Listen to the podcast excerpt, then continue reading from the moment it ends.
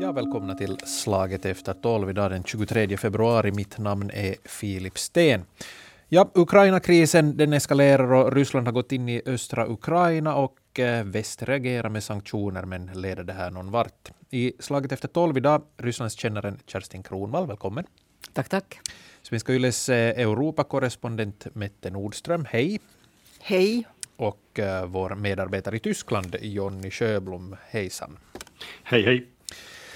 Uh, Kerstin Kronvall, vi, vi börjar med dig. Uh, hur har man i, Ryssland reagerat på det här nya läget? Hur har, hur har Rysslands, den ryska arméns intåg i Luhansk och Donetsk-regionerna i Ukraina tagits emot?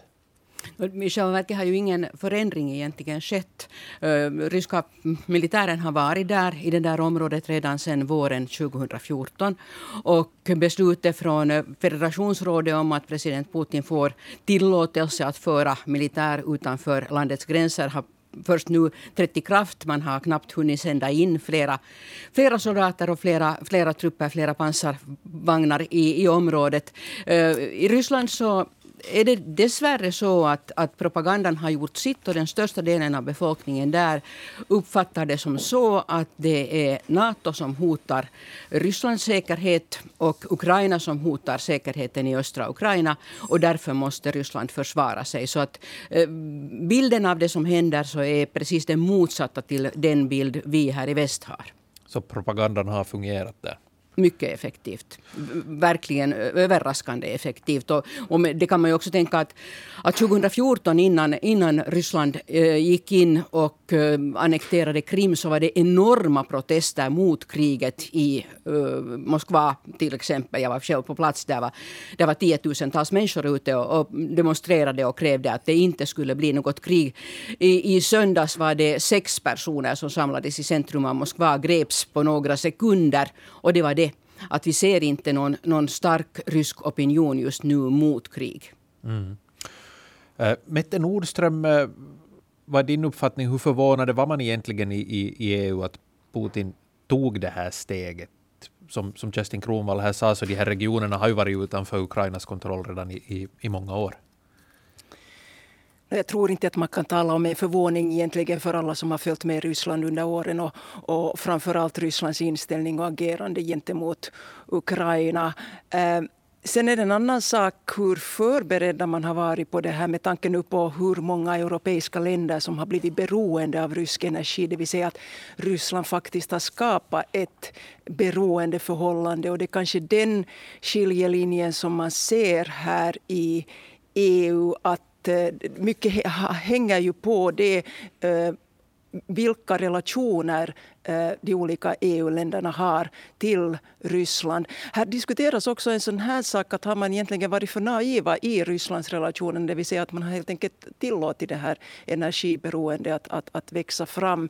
Å andra sidan så är det kanske typiskt just också, och kanske inte heller det förvånande, att, att de baltiska länderna hör till dem som, som, som har reagerat så där ungefär att vad var det vi sa? Precis.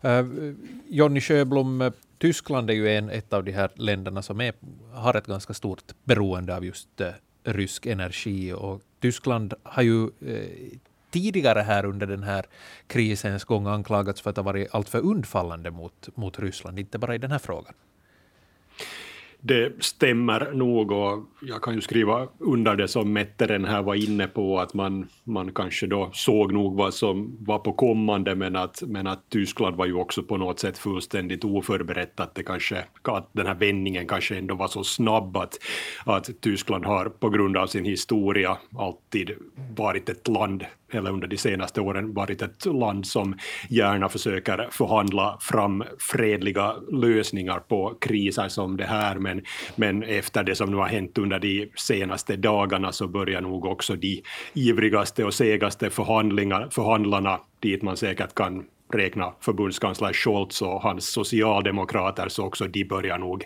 inse att de här förhandlingarna är lönlösa, att om den motpart man förhandlar med inte överhuvudtaget befinner sig på samma våglängd så är nog inga resultat via förhandlingar att förvänta. Och kommentarerna till exempel i tyska medier, medier idag så är nog därefter att man talar om en rykande ruin som den här tyska Rysslandspolitiken nu har visat sig vara. Att man har ju under de senaste 20 åren, framförallt då genom handel, försökt skapa skapa goda relationer och kanske då försöka också styra Ryssland i en viss riktning. Och det här har nu då visat sig att det var en total återvändsgränd så att, så att det krävs nog att, att Tyskland också nu på något sätt frångår det här förhandlingskonceptet och kanske då börjar, börjar ta till den styrka som man då har och det är då framförallt den ekonomiska.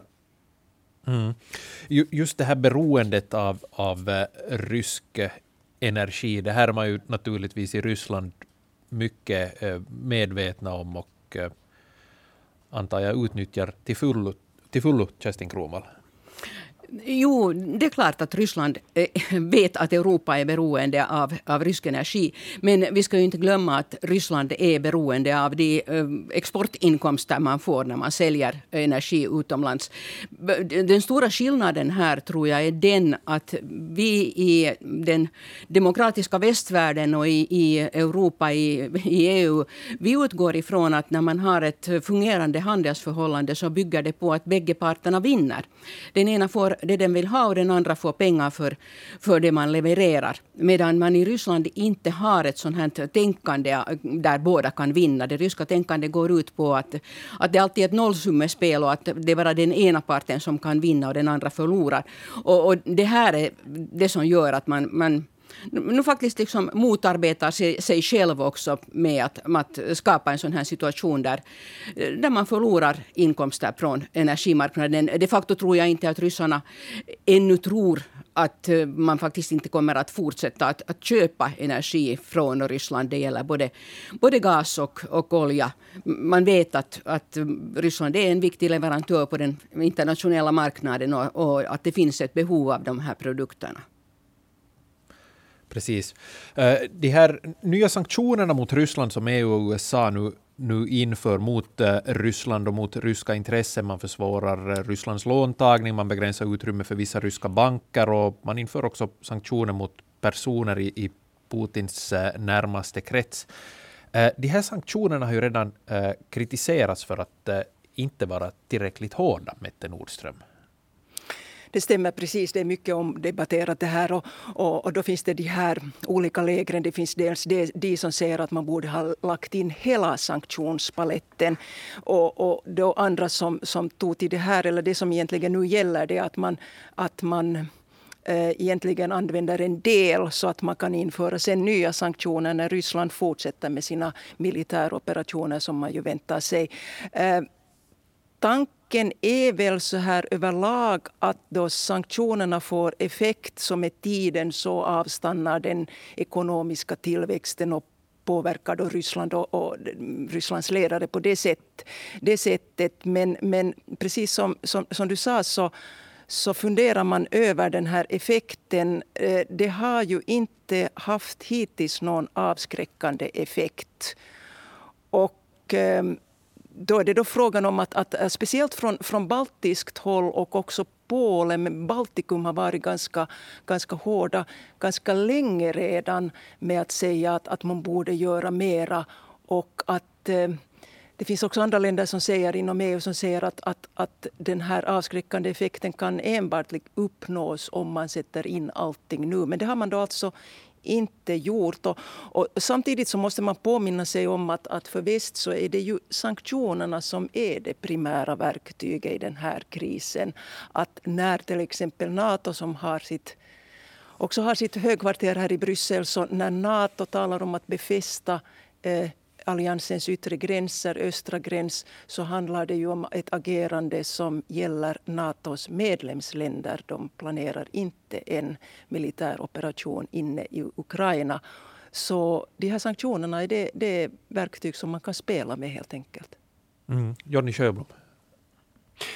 Ja, Tyskland ställer sig förstås bakom de här, de här planerade EU-sanktionerna, men här fattade man ju också då igår det beslutet som åtminstone ur tysk synvinkel ses som stort, det vill säga att man åtminstone för tillfället stoppar den här gasledningen Nord Stream 2 som då är tänkt att, att transportera gas direkt från, från Ryssland till Tyskland och Västeuropa. Det här är nu kanske det mest drastiska steget av de här sanktionerna nationerna i Europa hittills. Det som man helt konkret gör så är att man stoppar den här certifieringsprocessen som, som då måste genomföras för att den här färdigbyggda gasledningen överhuvudtaget ska kunna tas i bruk. Och, eh, man säger ju förstås att det här är tillfälligt, men så som läget nu ser ut så, så har jag nog svårt att se att det på längre sikt ens skulle skulle komma till användning av den här gasledningen om det nu inte sker riktigt, riktigt märkbara förändringar i Moskva, eh, så ser jag nog att det här, det här gasledningsprojektet, åtminstone för en längre tid framåt, så, så är över kan man kanske säga. Och, och för om det nu är så att det här tillfälliga blir, blir över, ett, över en längre tidsperiod så börjar nog både Tyskland och de företag som är inblandade i det här projektet, så de börjar nog se sig om efter, efter andra lösningar. Hur möjligt det sen är, så det är ju förstås en annan sak, men vi har här bolag som, som Shell och österrikiska OMV, tyska Uniper, och de måste ju nog också på någon nivå börja inse att det här kan bli bestående och att man då måste börja, börja söka andra lösningar så att säga. Så så, och sen ännu gällande den här ledningen, så den har ju stått klar, färdigbyggd nu sedan september, men de tyska myndigheterna så de bromsade egentligen den här certific certifieringsprocessen redan i november, så, han, så man har nog också här mer och mer hela tiden börjat inse att det här är ett projekt som, som börjar bli politiskt allt för dyrt för Tyskland. Men det, det här är ju väl egentligen då också fråga om eh, så att säga en sanktion som slår tillbaka mot, mot uh, Tyskland då i det här fallet. För att, vad, vad, har man för alternativ då till den ryska gasen där? No, de här alternativen är egentligen rätt så få. Man ska komma ihåg att den här, hela den här energiomställningen som Tyskland är inne i, så den, den bygger ju också relativt långt på, på just naturgas, det vill säga man vill då ersätta kärnkraften och kolkraften delvis med, med gaskraft för att som tillägg då till de här förnyelsebara energikällorna.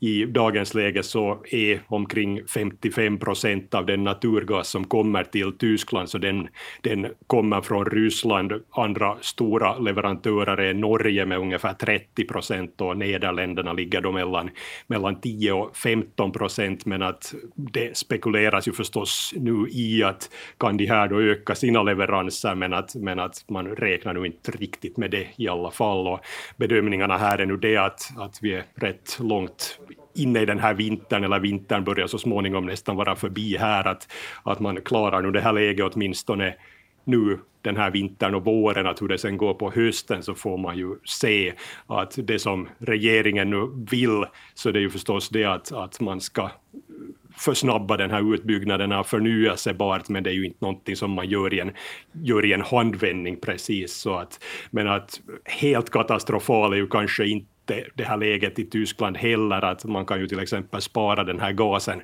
eh, gasanvändningen på det att, att man då inte producerar el av gas, utan man då kanske producerar istället kolkraft, eventuellt till och med då kärnkraft en tid längre, men det här har ju ett politiskt pris här här inrikes åtminstone, att i synnerhet de gröna så skulle ju vara, vara i en svår situation om, om, om man då frångår, från den här, frångår den här avvecklingen av kol och kärnkraft och börjar köra med det igen. Så att, men att det kommer kanske också den tid att, att Tyskland måste inse att, att det att Europa ska ha sin säkerhet, så det kräver också att den tyska allmänheten på något sätt är beredd att gå in för vissa uppoffringar. Mm. Eh, Kerstin Kronvall, vilka har de här ryska reaktionerna på, på de här sanktionerna varit? Man har inte egentligen sett så många reaktioner ännu. Det som Putin-kritiska medier har skrivit om är ju förstås att det här är inte bara en ekonomisk förlust för, för Ryssland eh, när, när den här gasledningen står där färdigbyggd och oanvänd utan också en, en prestigeförlust för Putin. Eh, sen är ju den, den ryska sån här allmänna eh, propagandaopinionen är ju den att, att eh, det har ingen betydelse vad Ryssland gör. För väst eh, hittar ändå på någon orsak att påföra sanktioner. För det enda väst vill är att förstöra Rysslands ekonomi och få Ryssland som stat på knä. Så att eh, man vägrar att se det här sambandet mellan att det, det ryska hotfulla aggressiva beteende, brotten mot internationell rätt som leder till sanktioner. Utan man, man förklarar dem med att det, det bara beror på väst, västländernas ondskefulla inställning. USA, USA har, har ju, de, de kommer ju, allting tyder på att de knappast kommer att agera militärt eh, i, i den här krisen, åtminstone inte, inte nu på, på kort sikt. Är det, är, är det att det hotet är, är så att säga bort ur bilden sporrar det då Putin och, och, och, Ryssland att fortsätta med det här? Frågar du mig? Ja. Eh, Det hotet har ju aldrig funnits. Eh, Ukraina är ingen eh, NATO-medlem och, och, alla vet att, att NATO inte går in militärt på Ukrainas sida. USA och många andra länder har gett bistånd, militärt bistånd till Ukraina och, och speciellt varit där och gett utbildning och, och, utrustning och allt möjligt sånt här. Men nu vet Ryssland att, att NATO inte kommer att strida på Ukrainas sida. Det är bara den ryska propagandan som förklarar för, för befolkningen där att det kommer att hända. Eh, det som om det finns någonting som kan stoppa Ryssland idag, om det finns någonting, är alltså det att man vet att den ukrainska försvarsmakten är oerhört mycket starkare än vad den var 2014 när man förra gången började kriget där. Och vi ska komma ihåg att det kriget har pågått nu i åtta år, eller snart åtta år. Och Eh, Ukraina har en, en enormt stor, eh, mycket välutbildad och krigserfaren reserv att sätta in i sitt försvar när läget skärps ytterligare. Så det Ryssland eh, med helt 100 procent säkerhet är medvetet som stat om är att också de ryska förlusterna kommer att bli enorma om kriget eskalerar. Och eh, man får ju bara hoppas att det här skulle kunna sätta någon slags broms nu i, i den här utvecklingen som verkar väldigt obehaglig. Och där måste vi ju tyvärr komma ihåg att den ryska så här också officiella inställningen till manskapsförluster i krig är väldigt cynisk. Och man sänder gärna ut lågutbildad personal, lågutbildade soldater och då har man tanken att alla krig tar slut och då är det bäst att de som har de fiffigaste och med högst utbildning finns kvar och kan bygga upp landet efter kriget. Och den andra ännu cyniskare inställningen som också finns helt uttalad är den att, att man, kan, man kan offra fotfolk för det görs nya hemma hela tiden. Mm, precis. En, tolkning här till, till de här eh, ganska, enligt vissa, då, milda, milda sanktionerna är att man inte helt vill stänga eh, dörren för en eh, diplomatisk lösning. Och nu ställdes ju då det här eh, mötet mellan USAs och Rysslands utrikesministrar in. Det var kanske föga överraskande. Men, men vad säger du, Mette Nordström, finns det förutsättningar för en diplomatisk lösning på kort sikt? Ehm, jag tror inte just nu i dessa dagar så finns det inte. Jag måste säga på tal om dörren så måste jag säga att jag finns här om ni hör något ljud här från, från min ända så beror det helt enkelt på att jag är på en av EUs institutioner och, och det råkar sig att just i samma veva som vi eh, inledde den här sändningen så börjar man reparera här en dörr så att jag kan inte göra så hemskt mycket ifall det, ifall det hörs i sändningen. Men att, att den diplomatiska dörren är knappast eh, väl äh, stängd helt och hållet. Vi hör också signaler från Putin att, att nu så skulle han kunna igen tänka sig lite diplomatiska samtal. Det här skapar en viss förvirring eller det kanske också också är orsa, äh, avsikten att skapa en viss förvirring. Det här vet Kerstin bättre om det här ryska agerande. Att man tar ett steg framåt och sen så retirerar man på ett visst sätt. Att, att, att, att eh, då man till exempel i väst och EU kanske inte vet hur, hur, hur man ska agera. Det som jag tänker att är intressant i den här debatten är att ännu för några veckor sedan när man höll på att förhandla och också ordförandelandet Frankrike var väldigt aktivt. Så då var många röster här i Bryssel var det att, att nu var EU egentligen inte en part i det här utan eh, Rysslands krav riktas ju mot USA och mot Nato. Och nu i, i och med de här sanktionerna igår så har det här tonläget, och kanske lite tidigare också, men det här tonläget har, har förändrats ganska eh, markant. Och då demonstrerar man ju den här mycket starka enigheten utåt och det här jättegoda samarbetet som man ser att man har haft med eh, USA och Storbritannien som inte då är längre en EU-medlem och eh, också andra länder som nu har anslutit sig till den här sanktionskören. Eh, jag tror att hemskt mycket handlar ju säkert om vad som kommer att hända de här närmaste dagarna. Och det att, att man till exempel igår spekulerade ganska mycket att, att det kommer inte att dröja mer än ett par dagar så ser vi någon nyas utspel från rysk sida. Mm. Jonny Sjöblom, kommentarer på det?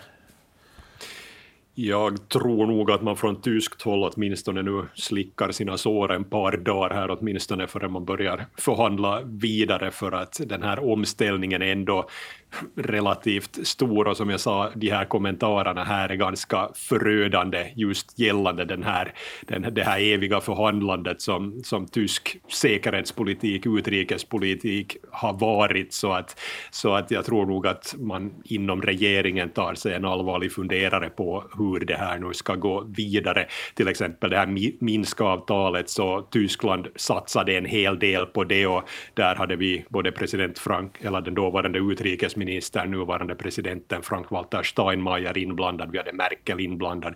Så att på det sättet, vi hade Socialdemokraterna, de satt, ju också med, satt också med i Merkels regering, så att på det sättet så så tror jag att man kanske tar en liten time-out med de här försöken nu från tysk sida, åtminstone under de närmaste dagarna. Hur länge sen så får man ju se, men jag tror också att den här, lite den här illusionen att man kan förhandla så har på något sätt spruckit här under de senaste dagarna, så att jag tror att Tyskland nu kommer, kommer att avvakta åtminstone en liten stund.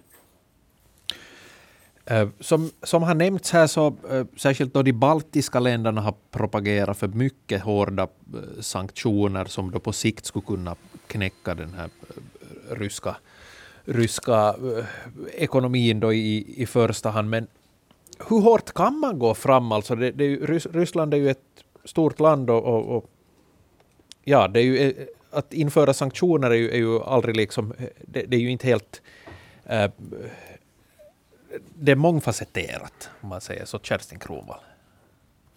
Mm, vad är det du egentligen frågar? Att vilka kan, vilka kan så att säga de här sidoeffekterna av hårda sanktioner mot Ryssland bli för, för eh, då EU till exempel?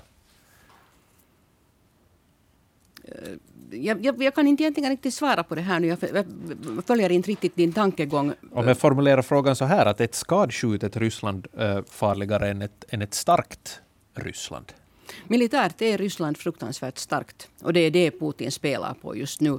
När det gäller ekonomin så har man ju under den här, den här långa tiden eh, efter att, att eh, sanktioner, starka sanktioner infördes då 2014 så har ju Ryssland gjort mycket för att bygga, bygga upp och bygga om sin ekonomi så att man har, man har haft ett sådant program som har handlat om att ersätta eh, importersättande produktion. Alltså för att bland annat inom livsmedelsindustrin så har Ryssland varit så där oerhört beroende av, av eh, import och, då har man byggt upp byggt upp ersättande mm, livsmedelsproduktion och livsmedelsindustri som har, som har fungerat ganska bra och som har, har byggts upp ganska bra. Så att ehm, det som blir lite tokigt i det här tycker jag är det att avsikten, det som väst önskar är ju inte att få Ryssland på knä. Utan det som väst önskar, om jag tolkar det rätt, så är att få Ryssland att låta bli att utöva aggression, att, att föra krig mot sin granne, att, att stjäla, territorier av sin granne. Och, eh, det som Ryssland säger är just, just det här att, att väst vill få Ryssland på knä. De vill förstöra vårt land. Så att på sätt och vis så ger sanktioner mot Ryssland och de utslag de kom få i den ryska ekonomin inom landet ger liksom vapen i hand också åt Putin som kan säga att se nu hur väst gör oss illa och liksom förstärka den här känslan av att man har en yttre fiende. Det som kan leda till en liten förändring i opinionen är det att, att det nu finns så många enskilda personer som finns insatta på sanktionslistan att det småningom kan hända att det inom den, den ryska allmänheten föds en sån här tanke om att, att jaha, att det är inte mot landet Ryssland de här sanktionerna riktas utan det är mot oligarker som har som har stulit en del av vår egendom och berikat sig på vår bekostnad. Så det kan bli en sån där svängning. Men, men jag har nog Ja, jag har uppriktigt sagt svårt att se att de sanktioner man nu har satt igång eh, på kort sikt får Ryssland att ändra sin aggressiva om man kallar det politik eller sitt aggressiva beteende i förhållande till såväl Belarus som Ukraina. Vad tror äh, Mette Nordström, skulle hårdare sanktioner, vad, skulle det ha någon effekt? Nu är det en sån här äh, sak med de här sanktionerna är ju det att man avslöjar ju inte vilka sanktioner som förbereds. Så intill det här att ända fram till igår att vi fick veta då vad eh, äh, EU har kommit överens om här internt och i förhandlingar också med sina partner så var det så fick vi egentligen inte veta några detaljer överhuvudtaget och det var det, eh, det styrs framförallt av kommissionen och eh, då är det då främst vår, vår statsminister som också har varit inblandad i de här samtalen. Så det var, alltså, det var helt eh, uppenbart att det var en sån här uh, gemensam politik att man kommer inte ut med någonting. Och också det här att uh, den här namnlistan på, på ryska personer som, som drabbas av sanktioner, att man inte kommer ut med dem, så handlar ju också om det att, att de inte ska kunna agera och gardera sig på förhand. Dock sagt så talas det här nu om att följande omgång kan handla om olika former av teknologi. Eh, teknologi som Ryssland är väldigt beroende av för sin produktion och som de inte kan ersätta eh, med annan teknologi från andra länder. Och, och, och, det är ungefär på den här planen som vi vet nu om eh, de följande sanktionerna och, och vad det kan eventuellt handla om. Jonny Sjöblom. Ja, ur tysk synvinkel så kan man kanske se på det här att, att Tyskland är beroende av Ryssland när det kommer just, just till gas och, och energi, men sen å andra sidan så ska man komma ihåg att de här sanktionerna som, som då har varit i kraft också tidigare, så det sker, jag vet inte, kan man kalla det till och med en naturlig utveckling på något sätt att, att Tyskland helt automatiskt har gjort sig mindre beroende av Ryssland på det sättet. Jag läste igår att av de före, tyska företag som var verksamma i Ryssland 2011, så ungefär hälften av de här företagen så har under den här tidsperioden då avsluta den här verksamheten i Ryssland. Så att det är också lite det att för varje dag som går så inser allt fler här också att det blir jobbigare att ha med Ryssland att göra. Så att på det sättet så, så de här ekonomiska kontakterna försvinner också den här vägen, vilket betyder att, att det här beroende på sätt och vis av annat av den ryska marknaden blir också här i Tyskland mindre. Att, att Ryssland är för tillfället, om jag minns rätt, på 14 plats som, tysk, som då exportnation. Och, och, så det handlar förstås i det här skedet inte längre om någon stor handelspartner heller ur tysk synvinkel, så att det här kan ju också på sätt och vis, åtminstone på längre sikt, ändra på det här läget. Eh, Kerstin Kronvall, vad är din uppfattning? Finns det, finns det eh, risk för, eh, ska vi säga, humanitära problem i Ryssland om, om, om de här eh, sanktionerna och den här aggressionen den ryska aggressionen mot grannländerna fortsätter och de sanktionerna blir hårdare, kan, kan, vi liksom, kan det leda på sikt till till exempel flyktingströmmar ut ur Ryssland? Flyktingströmmar ut ur Ryssland har jag lite svårt att tänka mig. Om kriget eskalerar blir det ju definitivt flyktingströmmar ut ur Ukraina. Den ryska fattigdomen ökar men ryssarna är inte så, reagerar inte så väldigt mycket på att, på att de blir fattigare. Och den humanitära kris, det som verkligen kan hända om kriget eskalerar, är ju det att ytterligare människor dör. Det är ju det krig handlar om i slutändan. Och om det verkligen ska gå på det sättet att, att Ryssland, som man nu sa igår, inte nöjer sig med att uh, erkänna uh, de områden man redan behärskar i östra Ukraina som självständiga stater, utan verkligen tänker ta ta och ockupera också den, de övriga delarna av områdena kring Luhansk och Donetsk. Alltså nu har man i sin, i sin makt ungefär en tredjedel av det där området. Om man ska ta två tredjedelar till betyder det oerhört hårda strider. Det betyder oerhört stora förluster. Det betyder oerhört många människor som dör.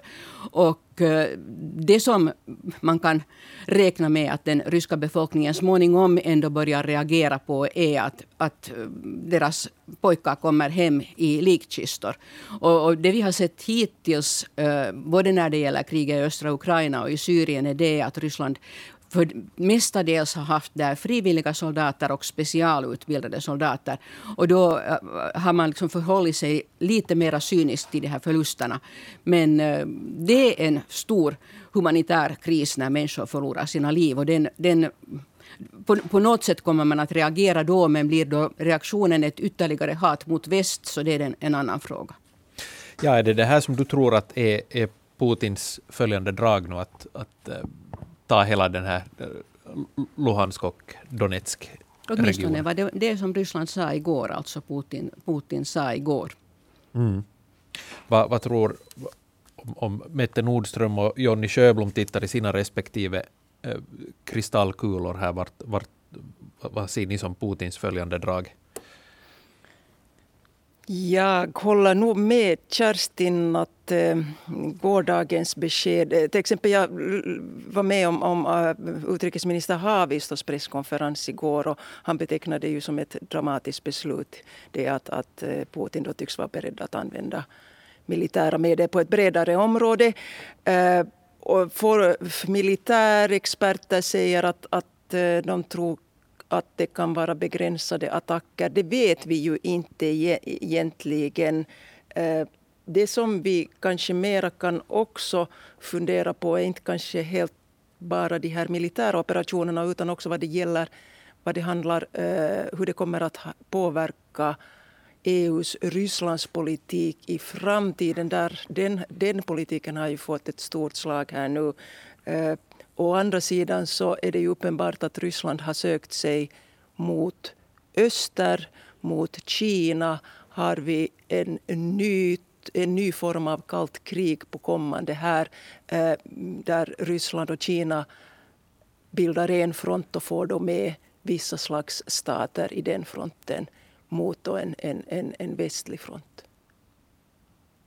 Precis det som man utgår från här så är nog det att de här ska vi säga, fram och tillbaka rörelserna från Putins Rysslands sida kommer, kommer att fortsätta. Det är väl nog kanske det som, som jag också tror att man kanske då signalerar förhandlingar, man kanske då ökar trycket igen och jag tror väl att det är kanske det som kommer att fortsätta, fortsätta under de under den kommande tiden. Det som man kanske tar fasta på här som, som Putins stora svaghet så är det den här bristen på allierade, att vi har inte i hela världen riktigt sett att, att Rysslands åtgärder skulle få, få något större stöd, inte ens då kanske riktigt i Kina och, och, på det här sättet så, så resonerar man åtminstone i Tyskland att det här skulle vara då kanske Rysslands akilleshäl i det här fallet, men det är svårt att säga om det faktiskt är så.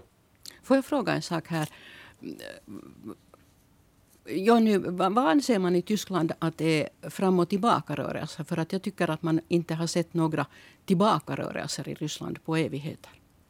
Nå, kanske det här, ja, om vi tar det över längre perspektiv, men kanske det här på daglig basis att man då med, emellanåt signalerar att man kanske då ändå är beredd att förhandla medan man sen igen ökar trycket den följande dagen så att det är nog kanske det man närmare tar fasta på att, att, att då, nu börjar man också i Tyskland se, senast nu inse att, att den här riktningen har, eller den här, det har varit en enkelriktad gata det här under de senaste, senaste åren om man ser det ur ett längre perspektiv. Men, men så här på kort sikt att man då kanske an efter höjer trycket, minskar trycket och så som det nu har pendlat fram och tillbaka under de senaste veckorna, dagarna.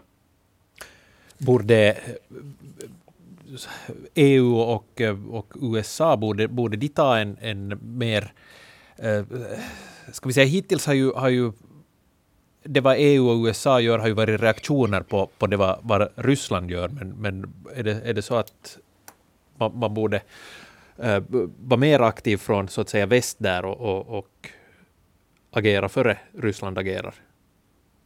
Med till exempel hårdare sanktioner. Det är den här debatten som förstås finns här och det finns inte den enigheten åtminstone för tillfället. Eh, vi har ju bara nu sett den här första, i den här konflikten, den här krisen som pågår nu så har vi ju bara sett den här första portionen av sanktioner och, och man har då från EUs håll helt enkelt beslutat att det ska gå på det här sättet. Man måste komma ihåg just det som jag nämnde här tidigare också att, att även om man eh, visar en enig front utåt och att det gick ganska behändigt igår så, så har vi också väldigt olika länder. Tänk bara att det finns Orban, Viktor Orbáns Ungern en del av, av EU och eh, uppfattas som det mest proryska landet. Och eh, det sades igår till exempel att under utrikesministermötet då när man då eh, debatterade omfattningen av de här sanktionerna att Ungern hade varit ganska skeptisk eller åtminstone delvis skeptisk och att, men hade sen fogat sig. Så vi, det är ingen lätt match att, att, att, få igenom de här sanktionerna på det här sättet som, som man nu har fått just beroende på, inte bara på det hur beroende olika länder är av, av, av Ryssland utan också helt en sån här politik som förs i de olika länderna. Där eh, sätter vi punkt för dagens eh, Slaget efter tolv. Tack eh, Mette Nordström, Kerstin Kronvall och Jonny Sjöblom. Mitt namn är Filip Sten och Slaget efter tolv hör ni igen i morgon.